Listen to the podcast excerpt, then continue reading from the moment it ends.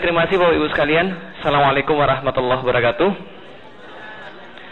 Alhamdulillah, alhamdulillahirabbil alamin wassalatu wassalamu ala asrofil anbiya'i wal mursalin wa ala alihi wa sahbihi wa man da'a bi dawatihi wa iltazamu bi tariqatihi wa tarasama khutuhu jalal aqidatan islamiyatan asasan fikratih wa mikasan a'malih wa masdaran ahkamih.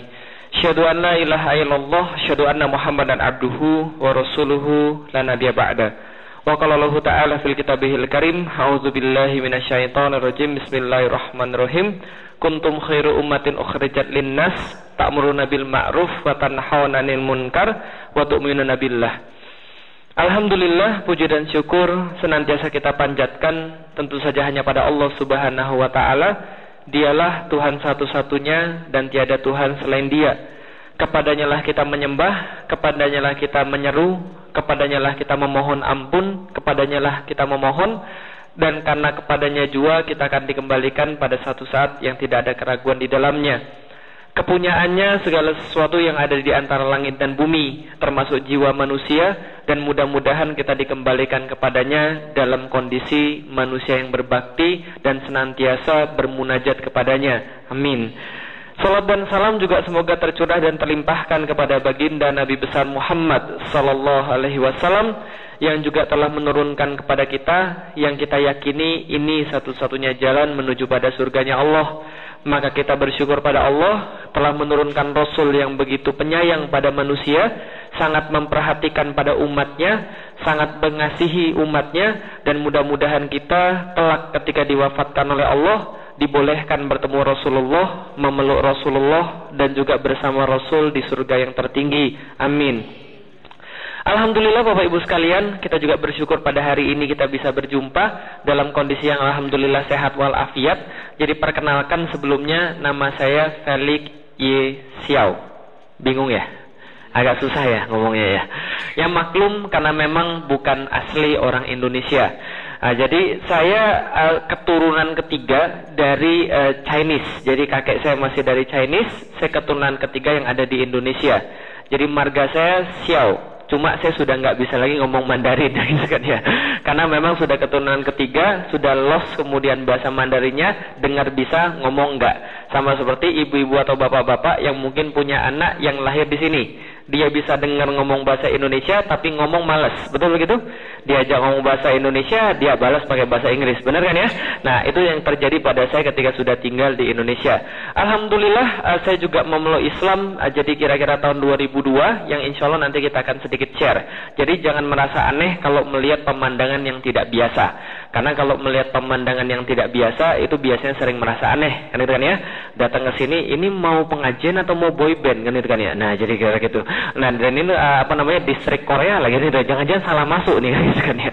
Nah, jadi inilah kemudian sedikit perkenalan perkenalan Bapak Ibu sekalian karena memang biasanya kalau orang Indonesia ngelihat yang matanya sipit itu nggak percaya kalau kemudian dia seorang yang menyampaikan agama. Karena kalau ngelihat yang mata sipit yang kepikir apa Bapak Ibu sekalian?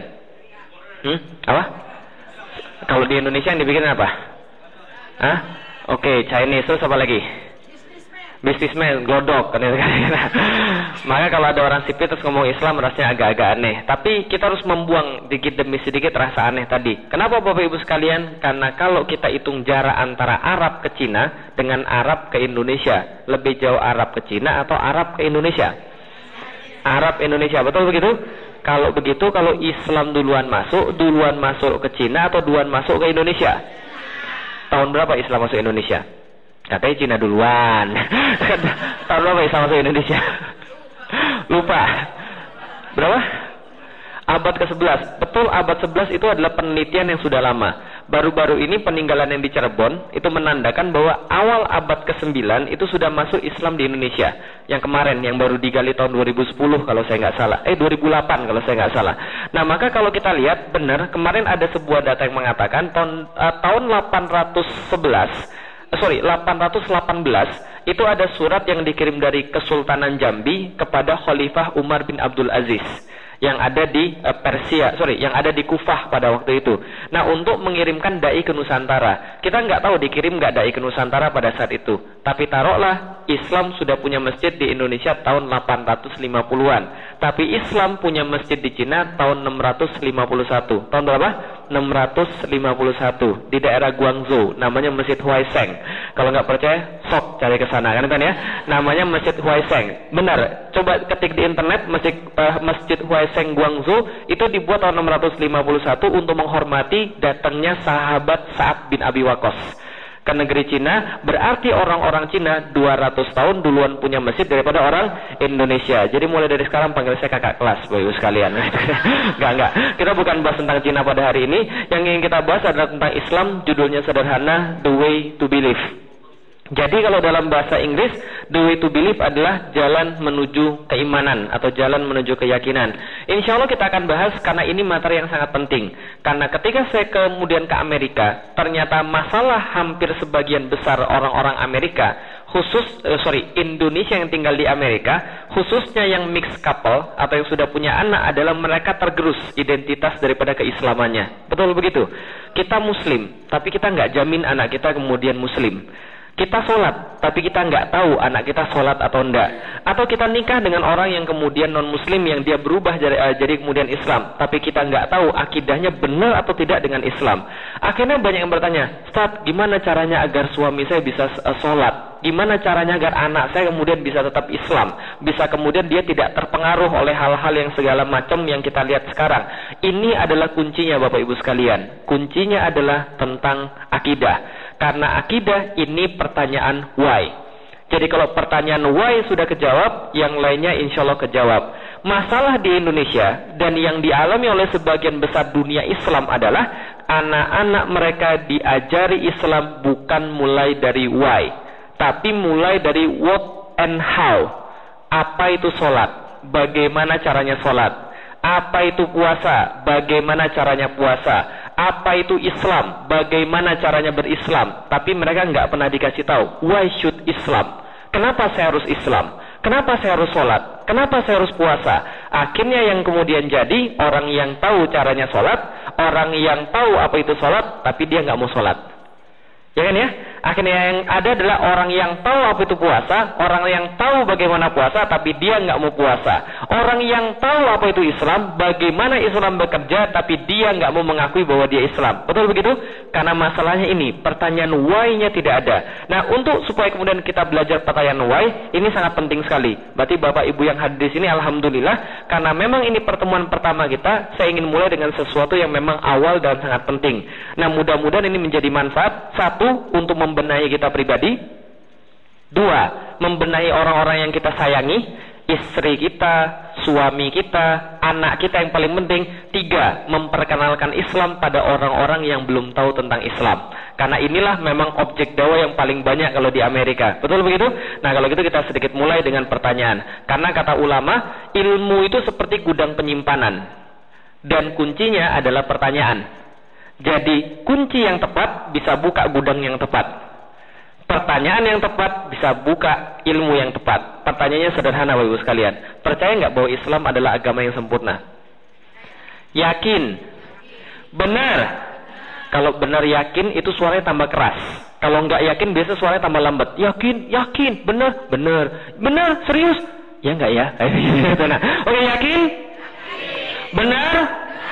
Allah juga sudah bilang di dalam Al-Quran. Allah kemudian mengatakan dalam Al-Quran, Al-Yawma akmaltu lakum dinakum, watmamtu alaikum ni'mati, wa raditu lakumul Islam Madinah. Pada hari ini telah kusempurnakan agamaku, telah kucukupkan bagimu nikmat dariku, dan telah kuridoi satu-satunya agama adalah Islam buat kalian. Berarti Islam adalah agama yang sempurna. Pertanyaan kedua sederhana, percaya nggak bahwa Islam adalah agama yang menebarkan rahmat bagi seluruh alam? Percaya? Yakin? Benar? Allah juga sudah bilang begitu. Wa ma arsalnaka illa rahmatan lil alamin. Kami tidak mengutus rasul kecuali dia akan menjadi rahmat bagi seluruh alam. Berarti kalau rasulnya saja menjadi rahmat, apalagi agama yang dibawanya. Betul begitu? Betul. Kalau ada yang mengatakan bahwa Islam adalah sorry, Muslim adalah umat yang terbaik, benar atau enggak? Yakin? Serius?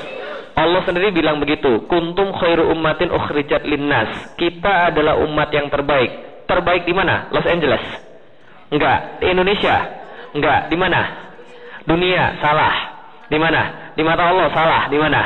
Ukhrijat linnas. Yang muncul di tengah-tengah manusia Berarti kalau sana yang manusia besok ada yang tinggal di bulan, maka kita harus jadi umat terbaik di sana. Pertanyaan berikutnya sederhana. Ternyata Islam yang kemudian dikatakan sempurna, rahmatan lil alamin, muslimnya umat terbaik. Pertanyaannya, sekarang sudah terjadi atau belum? Oke, saya, saya tanya, yang lebih banyak nggak makan non muslim atau muslim?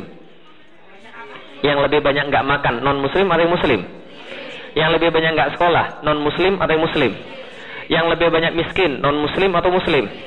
korupsi non muslim atau muslim hilang sendal di masjid non muslim atau muslim saya tujuh kali hilang sendal di masjid ya, sekali. Makanya saya ke mana-mana di Indonesia pakai sendal jepit. Kenapa? Supaya nggak rugi kalau hilang kan itu ya nah ternyata kita lihat ini adalah kejadiannya. Berarti kaum muslim belum jadi umat yang terbaik. Pertanyaan saya sederhana. Kalau Allah bilang kita sempurna Allah bilang kita rahmat bagi seluruh alam Allah bilang kita yang terbaik ternyata faktanya tidak. Berarti ada dua kemungkinan. Satu Allah yang salah. Dua manusia yang salah. Yang mana yang benar manusia yang salah. Karena Allah nggak mungkin salah kan ya? Pertanyaan sederhana salahnya di mana? Ayo. Karena tidak mengikuti. Ada jawaban lain? Kenapa salahnya? Karena kalau ditanya juga nggak tahu. Ah itu salah juga itu kan ya. Apa salahnya kira-kira karena tidak mengamalin, karena tidak istiqomah. Semua punya jawaban Bapak Ibu sekalian. Tapi tentu cuma ada satu jawaban yang benar. Kenapa salahnya? Kita akan lihat. Tapi sebelum kita cari tahu siapa yang salah, saya pengen eh, cerita sebuah kisah dulu. Ini ada cerita tentang sebuah negeri yang mayoritas penduduknya adalah muslim, terbesar di dunia. Jangan salah kalau ngomong Indonesia. Indonesia sekarang sudah kalah Bapak Ibu sekalian. Indonesia yang kita tahu punya penduduk muslim sekitar 210 juta. Tapi negara ini yang baru ini, dia kemudian punya penduduk muslim 230 juta. Jadi Indonesia sudah bukan penduduk muslim terbesar lagi di dunia. Belum ada yang tahu kan? Walaupun ibu-ibu tinggal di Amerika, walaupun bapak-bapak suka buka internet dan nonton berita, jelas nggak tahu tentang negara ini. Namanya negeri bebek. Sudah pernah dengar Ibu sekalian? Belum kan ya? Nah, ini negeri bebek ini negeri yang paling baru Bapak sekalian. Dan saya nggak main-main ini adalah bendera negeri bebek Bapak sekalian. Kisah di negeri Antabarantah. Namanya negeri bebek. Yang sebagian besar penduduknya adalah muslim Bapak sekalian. Oh stop main-main lah. Saya nggak pernah bohong Bapak sekalian. Saya bulan lalu baru datang dari negeri bebek. Dan saya berhasil membuktikan. Nah, ibu lihat. Ini gambar istana negara di negeri bebek yang saya ambil di bulan yang lalu. Jadi saya nggak pernah bohong Bapak sekalian. Nah, ini gambar istana negara di negeri bebek. Bukan, negeri bebek sekalian. Nah, negeri bebek ini adalah negeri yang sangat kaya. Gemah ripah loh jinawi. Toto tentrem kerto raharjo. Ketimpo klopo ora popo. negeri bebek ini adalah negeri yang sangat kaya. Saking kayanya negeri bebek, mereka katakan negeri ini kalau dilempar batu muncul pohon. Kalau dilempar pohon muncul hutan. Mereka katakan saking ijo royo-royonya negeri ini, mereka katakan zamrud katulistiwa. Apa pun kekayaan terdapat di negeri ini. Anda mau cari emas, di atas tanah ada, di bawah tanah ada. Anda mau cari minyak, lepas pantai ada banyak, kemudian di dalam pantai juga banyak. Negeri ini adalah kemudian blessings, kemudian karunia daripada Tuhan mencipta semesta alam. Tapi kemudian Bapak Ibu kemudian berpikir, tapi kenapa namanya negeri bebek? Ada ada ceritanya Bapak Ibu sekalian. Negeri ini dikasih nama negeri bebek setelah pem, apa founding fathersnya ini berdiskusi kita kasih nama apa. Akhirnya mereka bilang kita kasih nama berdasarkan orang-orang di negeri kita saja. Mereka sangat hobi ikut-ikutan. Karena itu mereka dikasih nama membebek Bapak Ibu sekalian. Belum pernah tahu bebek Bapak Ibu sekalian? Nih bebek Bapak Ibu sekalian. Jadi kalau bebek bisa ngomong, Bapak sekalian, dan kita tanya bebek yang paling belakang, Bek, kenapa lo lewat sini? Bebeknya akan bilang, sorry mas, saya orang baru di sini mas. Coba tanya saya sama kakak kelas saya. Nah kalau kita tanya sama kakak kelasnya, dia akan bilang, waduh saya juga nggak tahu, saya ke sini karena depan saya juga begitu. Yang di depan juga bilang, karena depan saya juga begitu. Sampai yang paling depan, yang pemimpinnya ditanya, kenapa kamu lewat sini? Waduh saya juga nggak tahu mas. Lah kan kamu pemimpinnya, saya juga nggak tahu. Lah kenapa kamu pilih lewat sini? Karena dari dulu sudah be begitu sekalian. Mereka nggak pernah peduli arahnya ke mana walaupun tempatnya ke arah pemotongan bebek Bapak sekalian. negeri muslim terbesar di dunia. Ketika ditanya Tuhannya siapa, jawabnya Allah. Rasulnya siapa? Jawabnya Muhammad sallallahu alaihi wasallam. Tapi apa terjadi pada mereka? Sumber daya mereka 104 di antara 174 sorry, nomor 109 di antara 174 negara di dunia. Di antara orang-orang yang sekolah SMA, hanya 11% yang lanjut ke perguruan tinggi. Dengan kata lain, kalau 100 orang SMA, maka yang lanjut kuliah cuma berapa orang? 11 orang. Lalu 89 persennya ngapain? Enggak, kebetulan mereka dikarunia Allah wajah yang ganteng-ganteng dan cakep-cakep. Jadi setelah, ah, betul, setelah mereka kemudian selesai daripada SMA, mereka langsung daftar ke production house jadi artis dan muncul dalam acara-acara pertengahan hari seperti busur, sergap, tangkap, tikam dan sebagainya. Nah ini yang terjadi. Apalagi kemudian bisa kita lihat negerinya uh, luar biasa miskin, Bapak Ibu sekalian. Setiap kemudian kita lihat 100 juta penduduk mereka di bawah garis kemiskinan, Bapak Ibu sekalian, dengan standar 2 US dollar per hari. Berapa? 2 US dollar per hari. Sekarang 1 US dollar berapa? 98. Berarti 2 US dollar berapa? Seri, uh, berapa? 18 ribu. Taruh, taruh 20 ribu kan ya. Berarti sebulan kira-kira dapat berapa? 600 ribu. 600 ribu di Jakarta bisa hidup kayak apa? Untuk satu keluarga. Itu standar kemiskinan sehingga dapat 50 juta garis eh, di bawah garis kemiskinan. Berdasarkan standar, eh, sorry berdasarkan data Bank Dunia pada tahun eh, 2006 40 juta orang kemudian pengangguran. Mereka kemudian bilang pada orang-orang Pak jangankan cari yang halal Pak yang haram aja udah susah kan ya. Apalagi kemudian mereka pikirin mereka tidak peduli pada diri mereka pribadi. Pengguna narkotika tahun ke tahun bertambah banyak. Dan tahun 2005 yang lalu eh, pemerintah daerah ibu kota di negeri bebek ngasih 100 juta untuk milih banci mana yang paling cakep. Milih apa? Banci mana yang paling cakep. Dikasih 100 juta. Apa yang kemudian bisa kita lihat? Orang-orangnya kemudian sangat parah sekali. Luar biasa. Oh, ketika mereka ditanya Tuhannya siapa? Allah. Rasulnya Muhammad. Tapi ini yang terjadi. 54% remaja kota kembang pernah berhubungan seks. Dan jumlah ini jauh lebih banyak daripada kemudian ibu kotanya sendiri yang 51%. Itu baru tahun 2006. Tahun 2008 Komisi Perlindungan Anak di Negeri Bebek ini memberikan sebuah survei yang sangat mengagetkan. 62,7 persen remaja SMP mengaku sudah pernah melakukan hubungan intim, sehingga mereka sudah tidak perawan lagi. Pelakunya siapa nih bapak sekalian? Bebek bapak sekalian. Maka ketika ngeliat gambar-gambar begini, ada orang bilang, benar kan kata saya kan kerudungan tuh percuma kalau hatinya jelek. Yang penting tuh dalamnya bukan luarnya. Percuma aja kerudungan kalau kelakuannya kayak begini. Betul begitu bapak sekalian? Betul. Yang kerudungan aja kayak begini, apalagi yang Enggak, bukan saya ngomong ya. Ah, tanggung jawab loh itu kan. Ya. Nah, kalau gitu kita lihat, ini yang terjadi pada mereka. Ketika mereka melakukan hal-hal seperti ini dan hasilnya apa Bapak sekalian? Hasilnya Bapak sekalian, nih hasilnya Bapak sekalian hasil daripada seks bebas, pembunuhan terhadap bayi-bayi. Dua setengah juta bayi dibunuh di negeri bebek setiap tahunnya. Dan semua ini dilegalisasi atas nama hak asasi manusia. Faham Bapak sekalian? Dilegalisasi atas nama apa? Hak asasi manusia. Dan kemudian kita lihat lagi apa yang terjadi? Ternyata mereka tidak hanya tidak peduli pada dirinya sendiri, mereka abai terhadap saudara-saudara mereka yang lain. Ketika Palestina masih terjajah, kita kemudian di sini kita selesai kemudian pengajian kita punya makan. Di Palestina sudah biasa seorang bapak pagi-pagi nganterin anaknya sekolah, pulangnya sudah berlubang jidatnya. Sudah biasa seorang anak kemudian pergi kemudian ke sekolah, kemudian pulangnya sudah tidak bernyawa. Dan orang-orang di negeri bebek menyaksikan seolah-olah itu adalah sebuah episode demi episode sinetron. Betul begitu? 2000 uh, sorry 2009 masih ingat di kepala kita. Gimana kemudian Gaza dibombardir dalam waktu kurang dari 28 hari sehingga 1.300 orang meninggal. Kan gitu kan ya? Kemudian kita kemudian menangis, kita mengutuk, kita kasih kemudian sumbangan pada mereka. Tapi untuk apa? Untuk tahun 2010 kita menyaksikan lagi pembantaian lagi. 2011 terjadi mafia Marmara. 2012 terjadi lagi. 2013 terjadi lagi. Dan kita cuma bisa nangis dan kita uh, nunggu kira-kira tahun depan episode apa lagi ya? Kira-kira gitu kan ya? Tapi bahkan kemudian untuk menurunkan pasukan membela mereka kita tidak mampu negeri bebek tidak mampu. Apa yang kemudian terjadi lagi? Al-Quran dilecehkan. Di negeri bebek kemudian diadakan perlombaan musabakoh tilawatil Quran.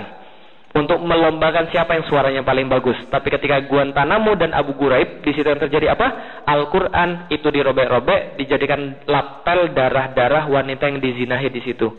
Satu orang wanita dizinai 6 sampai 9 kali sehari. Darah yang keluar dari tubuh mereka digunakan lapel adalah uh, dengan Al-Qur'an Ibu sekalian.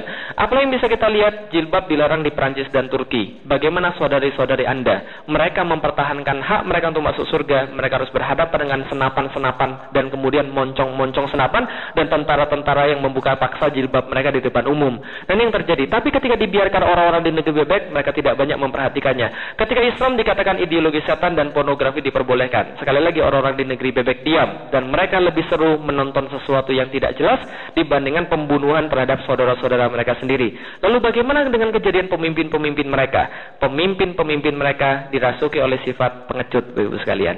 Karena mereka bahkan tidak berani ngomong, tidak berani melihat, dan tidak berani mendengar. Itu yang kita lihat di negeri bebek, Ibu sekalian, dan negeri-negeri yang lain. Pertanyaan saya sederhana, apakah negeri bebek semuanya jelek? Semuanya jelek? Enggak setiap lembah keburukan pasti ada lembah kebaikan. Sorry, pasti ada kebaikan. Betul begitu? Ada prestasi negeri bebek yang tidak pernah tersaingi. Belum tahu Bapak sekalian? Ada prestasinya. Jangan putus harapan. Masih ada harapan Bapak sekalian. Inilah prestasi negeri bebek Bapak sekalian. Apa ini? Apa ini? Salah. Apa ini? Kuntilanak salah. Apa ini? Sundel bolong, bunuh diri salah. Apa ini? Kenalkan Bapak sekalian. Belum tahu kan? Kenalkan. Namanya Sadako Bapak sekalian. Siapa namanya? Sadako. Loh kok bisa jadi Sadako? Begini ceritanya. Suatu hari ada orang Jepang main-main ke negeri bebek. Setelah dia main-main ke negeri bebek, dia bilang, negeri Anda sungguh sangat kreatif. Negeri saya yang katanya paling kreatif, itu kalah sama negeri Anda. Nah kenapa? Dari zaman dulu sampai dengan zaman sekarang, setan di Jepang itu itu-itu aja. Tapi setan Anda sangat bervariasi. Ada pocong satu, pocong dua, kuntilanak satu, kuntilanak dua, kuntilanak tiga, setan Kasablanka, hantu jeruk purut, kemudian susah ngesos, susah ramas, gimana? Alien vs apa, segala macam ada kemudian di negeri bebek. Akhirnya dia bilang, boleh nggak saya bawa kuntilanak satu ke negeri saya? Dibawalah kemudian kuntilanak ke negeri Jepang, diganti nama jadi Sadako. Dibuatin film terkenal ke seluruh dunia. Sejak saat itu negeri bebek terkenal sebagai satu-satunya negeri yang berhasil mengekspor setan, Bapak sekalian. Nggak ada negeri lain yang bisa. Cuma negeri bebek yang berhasil mengekspor setan. Terus apa lagi kemudian menjadi prestasi mereka? Prestasi mereka setiap tahun merayakan kemerdekaan. Pertengahan Agustus biasanya dengan cara apa? Lompat karung. Pemenangnya adalah Asep. Aduh, kalau sorry. Nah, kalau nggak lompat apa lagi?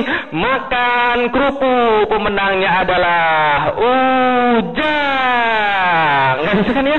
Lompat karung, makan kerupuk. Yang lain sudah pergi ke bulan, yang lain sudah bikin robot. Negeri bebas masih lompat karung, makan kerupuk. Kan ya? Ya nggak pernah kreatif kreatif. Ditanya sama Pak RT, Pak RT, Pak RT, kenapa lompat karung deh, lompat karung deh, makan kerupuk deh, makan kerupuk deh. Pak RT bilang karena dari dulu sudah be begitu ibu sekalian. Yang mbok ya sekali-kali kreatif. Gimana caranya? Ditukar. Lompat kerupuk makan karung. Berani? Nah mereka nggak mau karena mereka nggak kreatif ibu sekalian.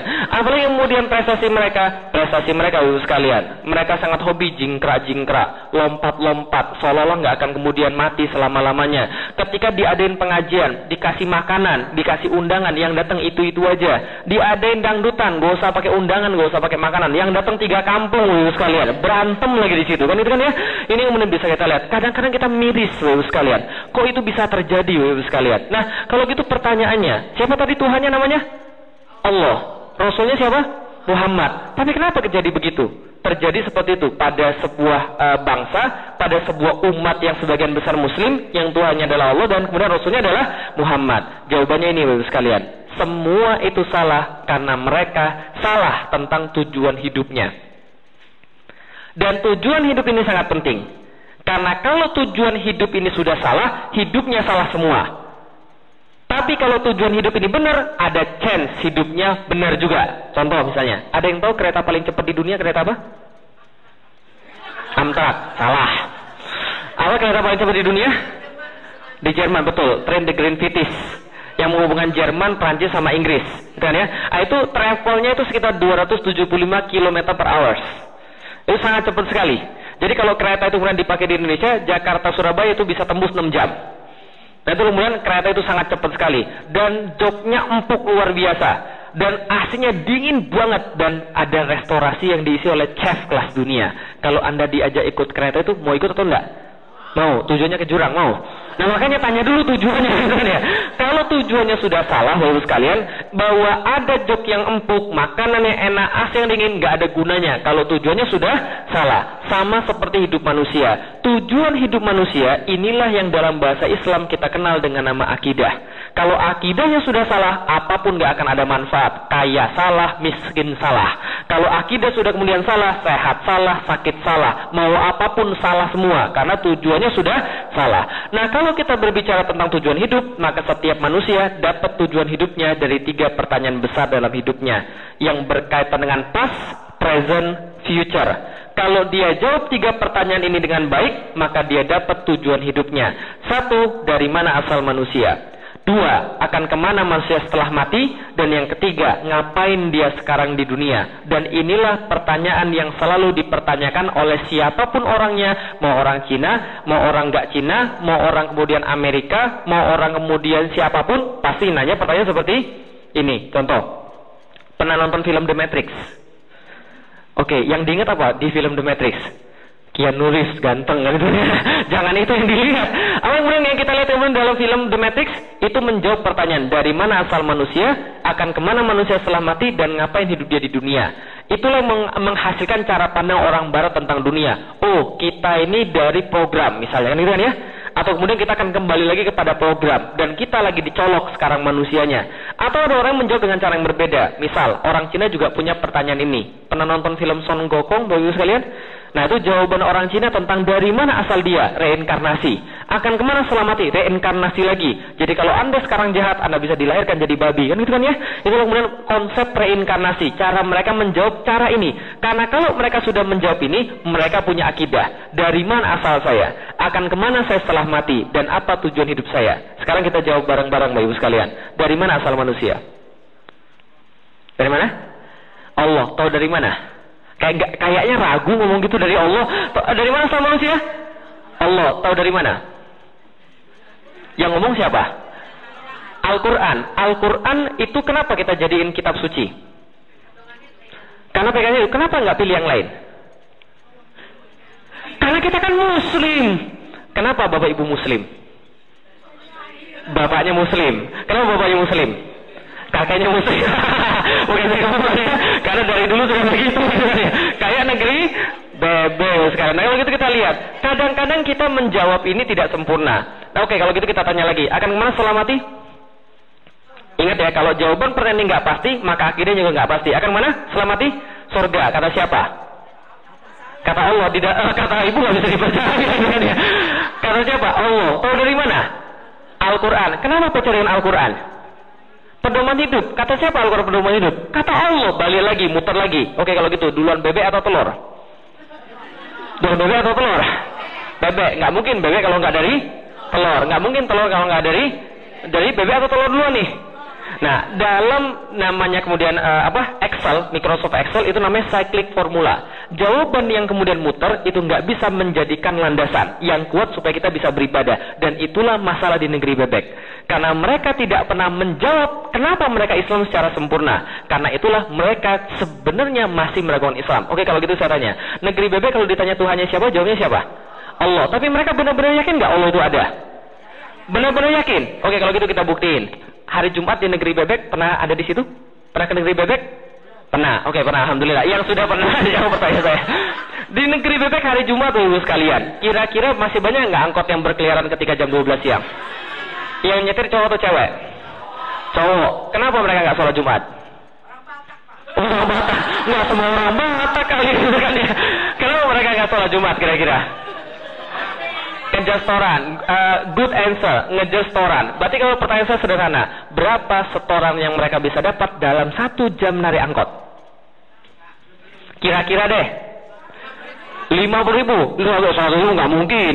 20 ribu aja udah alhamdulillah banget itu. Tapi taruh 50 ribu kan ya. Berarti dia lebih rela, lebih ribo, dapat 50 ribu daripada menaati perintah Tuhan dia. Berarti dia ngaku Tuhannya Allah, tapi kalau dihadapin antara pilihan Allah dengan 50 ribu, dia akan pilih 50 ribu. Berarti harga Tuhannya 50 ribu rupiah. Betul? Oke, saya punya teman gajinya 3 juta per bulan. Kerjanya translator di Jakarta. Suatu hari bosnya bilang, saya tahu kamu muslim, kamu harus sholat Jumat hari ini, tapi karena kita kedatangan tamu dari luar negeri, kamu tinggalkan sholat Jumat. Dia tinggalin nggak sholat Jumat dia?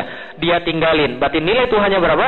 3 juta per bulan. Di desa-desa lebih parah lagi. Harga Tuhan 1325. Apa itu? Indomie sekalian. Paham udah saya? Tuhanmu siapa? Allah. Nih saya kasih Indomie. Ganti ya Tuhanmu. Ganti. Berarti harga Tuhan kita punya masing-masing. Kita punya harga Tuhan masing-masing sekalian. Jadi kira-kira mereka benar-benar yakin nggak Tuhan itu ada? Atau Allah itu Tuhan mereka? Iya, tapi seharga ada yang 50 ribu, ada yang 3 juta per bulan, mungkin ada yang 8 juta per bulan, ada yang 20 juta per bulan, dan sebagainya. Paham kira saya sekalian? Oke, kalau gitu pertanyaan saya balik. Pertanyaan saya balik. Mau nggak ibu bapak sekalian diganti dua ginjalnya dengan harga 500 juta? Nggak mau. Oh, mungkin karena kurang mahal ya. Sekarang saya naikin. 1 miliar sepasang. Deal or no deal? Oke, kalau gitu saya naikin lagi. 2 miliar. Mau nggak atau nggak? Kalau satu aja nggak boleh, dua-duanya ini karena banyak yang nunggu di Singapura ini. Oke mau? Nggak mau? Oke. Tawaran terakhir 4 miliar sepasang mau? Kenapa nggak ada yang mau? Percuma. Saya kemudian dapat 4 miliar, tapi saya kemudian hilang dua-duanya pasti mati. Orang yang satu aja setengah mati gitu saya. Apalagi kemudian dua-duanya hilang ya matilah ya. Percuma aja. Oke, sama serius sekalian. Kita bicara tentang keyakinan. Tadi kan kita bicara tentang keyakinan tukang angkot kan ya. Sekarang kita bicara tentang keyakinan kehilangan dua ginjal. Seberapa yakin ibu kehilangan dua ginjal pasti mati? 1 sampai 100 persen. Berapa kadarnya? 100 persen. Datang dari mana kadar keyakinan 100 persen itu? Kenapa kita bisa yakin 100 persen? Karena kita bisa karena kita pernah melihat orang. Bukti orang yang hilang dua ginjal nggak akan hidup. Karena kita punya bukti muncul keyakinan. Keyakinan itulah yang membuat kita tidak mau diganti walau dengan duit 4 miliar. Kalau Allah, oh, sorry, kalau orang benar-benar yakin Allah 100%, kira-kira dia mau nggak diganti dengan duit 3 juta per bulan? Mau nggak dia diganti dengan 50 ribu per jam? Nggak mau. Kalau dia benar-benar yakin. Contoh, Nabi Ibrahim ketika mau dibakar. Nabi Ibrahim tahu nggak api itu panas? Tahu. Berapa yakin dia api itu panas? 1 sampai 100%. 100% dia yakin api itu panas. Kenapa dia santai-santai aja ketika dibakar? Karena dia yakin Allah lebih ada daripada api itu panas. Bisa dipahami kira-kira saya? Maka keyakinan itu datang daripada bukti. Pertanyaan saya, sudah belum kita buktikan bahwa Islam adalah agama yang paling benar? Nah itu memang saya bantu sekarang. Oke kalau gitu saya boleh cerita dikit ya sekalian. Oke SMP kelas 3, saya sorry SMP kelas 2, saya kemudian pernah menanyakan sesuatu pada bapak ibu saya. Pi, mi, asal saya dari mana? Bapak ibu saya jawab, dari bapak dan ibu mulah. Kalau gitu bapak dan ibu dari mana? Dari kakek mulah. Kakekmu dari mana? Kakek nenek. Dari buyut lah. Lalu buyut dari mana? Ah kamu banyak tanya aja. Kamu tanya sama pastor aja deh. Nah besoknya saya tanya sama pastor. Pastor, pastor, asal kita ini dari mana ya pastor ya? Pastornya menjawab, asalmu dari Tuhan pencipta semesta alam. Oh begitu. Nah berarti orang Kristen, orang Katolik percaya nggak Tuhan? Sama, percaya juga Tuhan kayak kita. Lalu saya tanya lagi, kalau gitu Tuhan yang menciptakan kita yang mana? Tuhan Bapa, Tuhan Putra, atau Tuhan Roh Kudus? Kan ada tiga nih. Lalu pastornya bilang, Lik, bukan begitu ceritanya. Tiga Tuhan itu adalah satu kesatuan. Satu kesatuan itu ada tiga kepribadian. Bapa, Putra, dan Roh Kudus. Dan tiga-tiganya tidak dapat disatukan. Satu-satunya tidak dapat dipisah-pisahkan. Tiga adalah satu, satu adalah tiga. Ngerti atau enggak? Pusing enggak? Berarti Anda ngerti kan apa yang saya rasakan ini? Kenapa saya juga pusing, saya tanya. Loh kalau gitu saya tanya yang lain deh. Kenapa Tuhan harus tiga? Kenapa Tuhan nggak empat atau nggak lima aja bisa buat Power Ranger kan gitu kan kalau lima kan ya? Apa kata pastornya? Lik, kalau kamu masih banyak tanya berarti kamu belum beriman. Loh, kok bisa begitu? Karena beriman adalah percaya tanpa banyak tanya, taken for granted. Lalu kemudian ke belakang saya baru tahu mereka mengidentikan iman itu kayak nonton pertandingan sorry, kayak nonton pertunjukan sulap. Pernah nonton pertunjukan sulap? Nih lihat ya, topi saya kosong ya, kosong ya, kosong ya, kosong ya, kosong ya. Tiba-tiba, uh, merpati keluar, uh, kelinci keluar, kan? Nah, ini masalahnya. Masalahnya adalah apa? Jangan dipikirin, karena itu adalah iman. Akal manusia terbatas, tidak bisa sampai kepada iman. Oh, gitu. Oke, saya nggak banyak nanya lagi. Besoknya kemudian saya mendengar ketika pelajaran agama, ketika Yesus disalib di kayu salib, maka Yesus mengatakan sebelum dia meninggal, Eli Eli lama tani. Tuhan Tuhan, mengapa engkau meninggalkan aku? Lalu saya tanya lagi, loh, Yesus kan Tuhan. Kenapa dia perlu memanggil Tuhan yang lain? Berarti ini kayak jeruk makan jeruk ini. Nah, pastornya bilang apa? Kalau kamu banyak tanya, berarti kamu belum beriman. Oke, kalau gitu saya katakan it's enough. Karena kalau saya punya agama dan saya nggak boleh bertanya, lantas kenapa saya harus punya agama? Kalau sekedar untuk baik, nenek saya juga baik. Nenek saya nggak pakai agama. Kalau sekedar cuma untuk kemudian melakukan hal-hal yang uh, kemudian hebat, banyak orang hebat tanpa agama dari dulu. Nah, kenapa harus pakai agama? Untuk apa agama? Saya keluar dari agama Katolik secara struktural. Tapi sorry, secara uh, fungsional, tapi tidak secara struktural. Maksudnya apa? Nggak pernah lagi pergi ke gereja, nggak pernah lagi ikut-ikutan hal-hal ibadah kemudian dalam Katolik karena saya sudah nggak yakin sama sekali. Tapi KTP saya masih KTP uh, Katolik.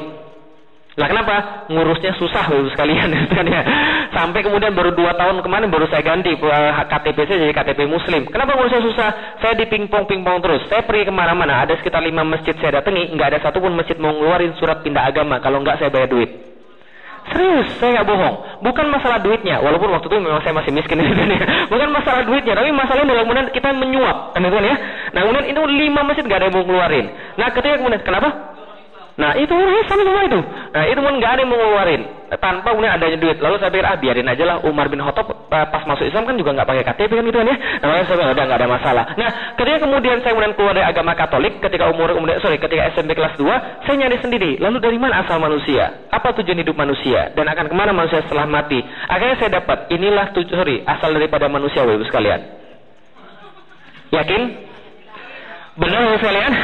Yang yakin sok saya mah enggak. lah kenapa? Karena ini adalah kemudian kebohongan. Tapi ini diajarin enggak sama anak-anak kita? Diajarin. Sekarang di sekolah mereka diajarin atau enggak? Diajarin. Jadi jangan heran pulang-pulang anak kita kemudian bilang sama kita, "Mah, mah, kita kira-kira dari monyet yang mana, Maya?" Karena dia diajarin kemudian di sekolah manusia berasal dari monyet. Nah, ketika saya SMP sekalian, saya yakin 100% manusia asalnya dari monyet. Kenapa saya yakin? Karena guru saya bilang begitu. Saya baca buku PhD bilang begitu, profesor bilang begitu, semua bilang manusia asalnya dari monyet. Maka saya percaya. Saking tertariknya saya pada asal manusia, saya perdalam kemudian biologi. Sampai-sampai saya diwakilkan olimpiade biologi dari sekolah saya. Nah, ketika saya semakin belajar, semakin saya merasa aneh. Kayaknya manusia bukan berasal daripada monyet deh. Nah, kenapa? Karena kalau berasal daripada monyet, maka sarang seharusnya nggak ada monyet lagi. Kenapa? Karena teori Darwin tulang punggungnya adalah survival to the fittest. Siapa yang fit dia survive. Yang tidak survive berarti mati kan itu kan ya. Maka kalau manusia berasal daripada monyet, semua monyet pasti sudah jadi manusia. Karena kalau monyet yang nggak jadi manusia dia bakal mati kan itu kan ya. Tapi sekarang monyet masih ada nggak? Masih. Manusia masih ada nggak? Masih. Berarti manusia bukan berasal daripada monyet. Satu. Yang kedua, ini adalah gambar ikan zaman dulu. Ini ikan zaman sekarang. Ada beda nggak? Ada, ya satu punya daging, satu nggak punya. Iya, saya juga tahu. Ada nggak beda bentuknya? Nggak ada. Ribuan tahun yang lalu nggak berbeda dengan yang sekarang. Ini adalah daun zaman dulu. Ribuan tahun yang lalu. Ada bedanya nggak dengan yang sekarang? Nggak. Ini semut zaman dulu. Semut zaman sekarang apakah berubah jadi satria baja hitam? Nggak. Maka ketika semut tidak berubah, daun tidak berubah, dan ikan tidak berubah, apa yang menyebabkan karena bisa berubah jadi manusia? Nggak mungkin. Maka kalau gitu dari mana asal manusia? Saya cari lagi. Pelajaran favorit evolusi sudah lewat. Pelajaran favorit yang kedua, asal manusia adalah dari reproduksi sekalian. Inilah asal manusia sekalian. Wah sebentar, ini kurang kompatibel berarti. Nah kalau gitu nggak apa-apa sebentar, saya puterin manual ya, sebentar bu ya. Allah sayang orang sabar. Nah saya puterin secara manual aja. Nah ini perhatikan ibu sekalian. Ini apa ini ibu sekalian? Ya udah baca, nyontek ibu sekalian. Nah ini apa ibu sekalian? Sperma. Nutfahnya laki-laki ibu sekalian. Benda yang kotor, jijik, hina. Dan kita semua berasal dari sini. Betul begitu? Oke, pertanyaan saya sederhana. Sperma dibuat di mana? Hmm, di sono, sononya mana? dibuat di mana ibu sekalian? Bapak-bapak ada yang tahu? Dibuat di dalam tubuh laki-laki, ya kan? Pertanyaan saya sederhana. Ibu-ibu gak usah jawab, saya mau tanya bapak-bapak dulu. Pak, sperma kan dibuat dalam tubuh kita nih. Pertanyaan saya sederhana, ada gunanya nggak bagi kita? Ada. Buat tambah kuat? Enggak. Buat tambah ganteng? Enggak. Tambah pintar? Enggak. Berarti sama sekali enggak ada gunanya bagi laki-laki. Betul begitu? Pertanyaan saya sekarang, apa guna sperma? Satu-satunya guna sperma, sole purpose daripada sperma adalah masuk dalam tubuh perempuan untuk menghasilkan individu yang baru. Kan itu kan ya? Itu satu-satunya guna sperma. Pertanyaan saya sederhana. Dalam sejarah perspermaan, pernah nggak ada cerita sperma keluar dari tubuh laki-laki, lalu survei dalam tubuh wanita, lalu balik lagi dalam tubuh laki-laki? Pernah nggak? Nggak ada. Berarti kita bisa asumsikan bahwa sperma nggak tahu apa pun tentang kehidupan di tubuh perempuan. Betul begitu? Oke, saya pertama kali ke Amerika, pertama kali ke Los Angeles. Wajar nggak kalau saya kemudian nggak tahu apa pun tentang Amerika? Wajar nggak? Wajar kan ya? Sama kayak ibu-ibu ke pas datang sini kan kayak orang udik juga kan ya? Nah, tapi yang pengen saya kasih itu adalah sperma walaupun tidak pernah pergi ke tempat ovum, sorry, tempat ambulan perempuan, walaupun itu satu-satunya tujuan dia, dia tahu 100% tentang tubuh uh, perempuan. Apa yang dia tahu? Saya kasih tahu. Dia, uh, sorry, saya kasih tahu dalam tubuh perempuan. Tubuh perempuan itu punya racun yang namanya racun asam. Racun asam ini bisa bunuh yang kayak sperma tadi dalam waktu 2 detik. Berapa? Dua detik. Jadi kalau sperma kemudian masuk dalam tubuh perempuan nggak pakai persiapan, mati akan uh, dalam waktu dua detik. Sekarang pertanyaan saya, sperma sekali keluar berapa pak? Ah, 250 250 ribu sudah pernah hitung pak ya? berapa sekali keluar kira-kira sekalian? Sejuta salah. Berapa sekali keluar? Bilion. Berapa lebih tepatnya? 2 juta salah. Sekali keluar rata-rata laki-laki normal, laki-laki normal rata-rata keluar sperma, satu kali keluar 500 juta. 500 juta yang kayak tadi. Sekali keluar rata-rata 500 juta. Pertanyaan saya sederhana. 500 juta itu kemudian pas masuk dalam tubuh wanita, pasangan dia itu, oke okay tuh, satu, dua, tiga, empat, lima, enam, tujuh, lima, sudah serbu. Pasukan pertama mati, pasukan kedua mati, pasukan ketiga mati, keempat mati, kelima mati karena racun tadi kan. Yang paling belakang mundur. Nah dia takut, dan dia bilang, sebenarnya kita jangan ikut ikut sana. Dia ambil sampel racunnya, kemudian dia bilang, lapor pak, saya balik lagi pak, kita gagal untuk menembus wanita. Ini gara-gara racunnya kayak begini. Kita teliti, kita bikin penawar dan kita balas dendam. Apakah yang begitu yang terjadi?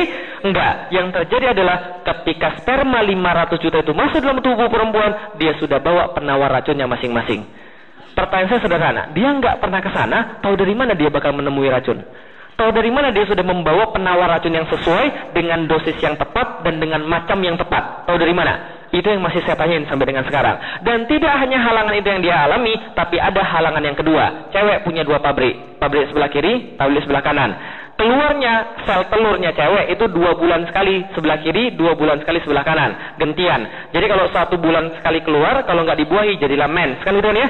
Pertanyaan saya sederhana, di mana ketemunya sperma dan ovum? Di mana ketemunya sperma dan ovum? Hah? Uterus salah, uterus rahim salah. Itu kan tengah-tengah. Di mana ketemu sperma dan ovum? Di mana?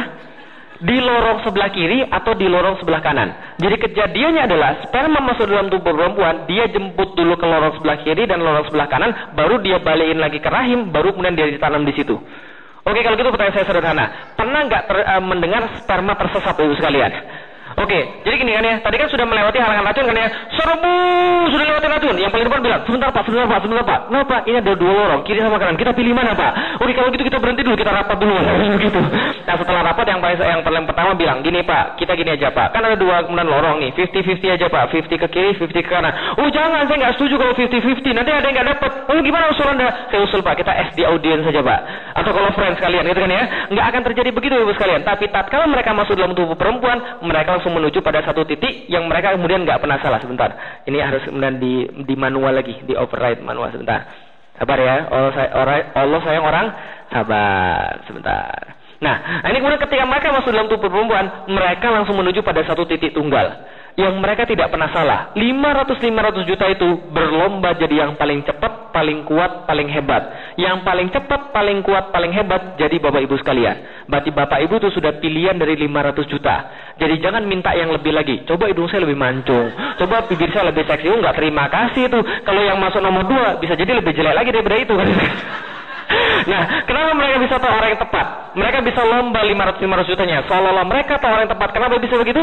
Mereka tahu orang yang tepat karena mereka sudah SMS-an. SMS dikirim. Nah, SMS diterima loh sekalian. Nah, ini mulai terjadi. Nah, kenapa bisa begitu? Coba bayangkan. Tahu dari mana sperma ketika mereka masuk dalam tubuh perempuan, mereka ngeluarin antena. Loh, keluarin antena, Zat keluarin antena dalam arti yang sesungguhnya. Dan pertanyaan kedua, kapan gantian nomornya Bapak sekalian? Dari kemudian ketika saya belajar ini, apa yang saya yakini? Yang saya yakini adalah jangan-jangan Tuhan ini ada. Loh, kok jangan-jangan Tuhan ini ada? Karena saya tidak bisa menjawab pertanyaan ini. Maka kemudian saya jawab, jangan-jangan Tuhan ini ada. Kenapa? Karena tidak mungkin semua itu terjadi secara kebetulan. Hebat ya manusia ya? Takjub ya kita sama manusia ya? Kenapa kita takjub pada manusia? Mereka sudah bisa pergi ke bulan mereka sudah bisa buat komputer, mereka sudah bisa buat kemudian wireless dan sebagainya. Tapi mereka nggak bisa jawab, kenapa sperma bisa ketemu dengan ovum? Paham kita selesai sekalian? Maka saya jawab, jangan-jangan Tuhan ini ada. Lah kenapa jangan-jangan Tuhan ini ada? Setelah keluar dari agama Katolik, saya nggak percaya Tuhan. Nah, kenapa? Tuhan yang sudah mati di kayu salib. Saya nggak perlu Tuhan. Gitu kan ya? Kayak Nise bilang the God is stop, the God is dead. Kan gitu kan ya? Maka orang-orang muda kebanyakan berpikir begitu karena agamanya nggak masuk akal, mereka keluar daripada agama. Termasuk orang-orang Amerika banyak seperti itu. Sama kayak saya dulu. Saya keluar daripada agama karena agama nggak masuk akal. Tapi setelah mikir begini, jangan-jangan Tuhan ini ada ini. Oke, kalau gitu kita lihat lagi. Ini gambar apa, Ibu sekalian? Salah, semut. Nah, untung ada ahli perkutuan di situ. Ayo gambar apa nih sekalian? Kutu sekalian, bukan kecoa. Kutu sekalian. Nah, ini kalau gitu kita lihat lagi. Ini juga gambar kutu, tapi lebih tepatnya ini adalah kutu anjing sekalian. Pernah lihat kutu anjing? Belum. Kutu manusia udah pernah lihat?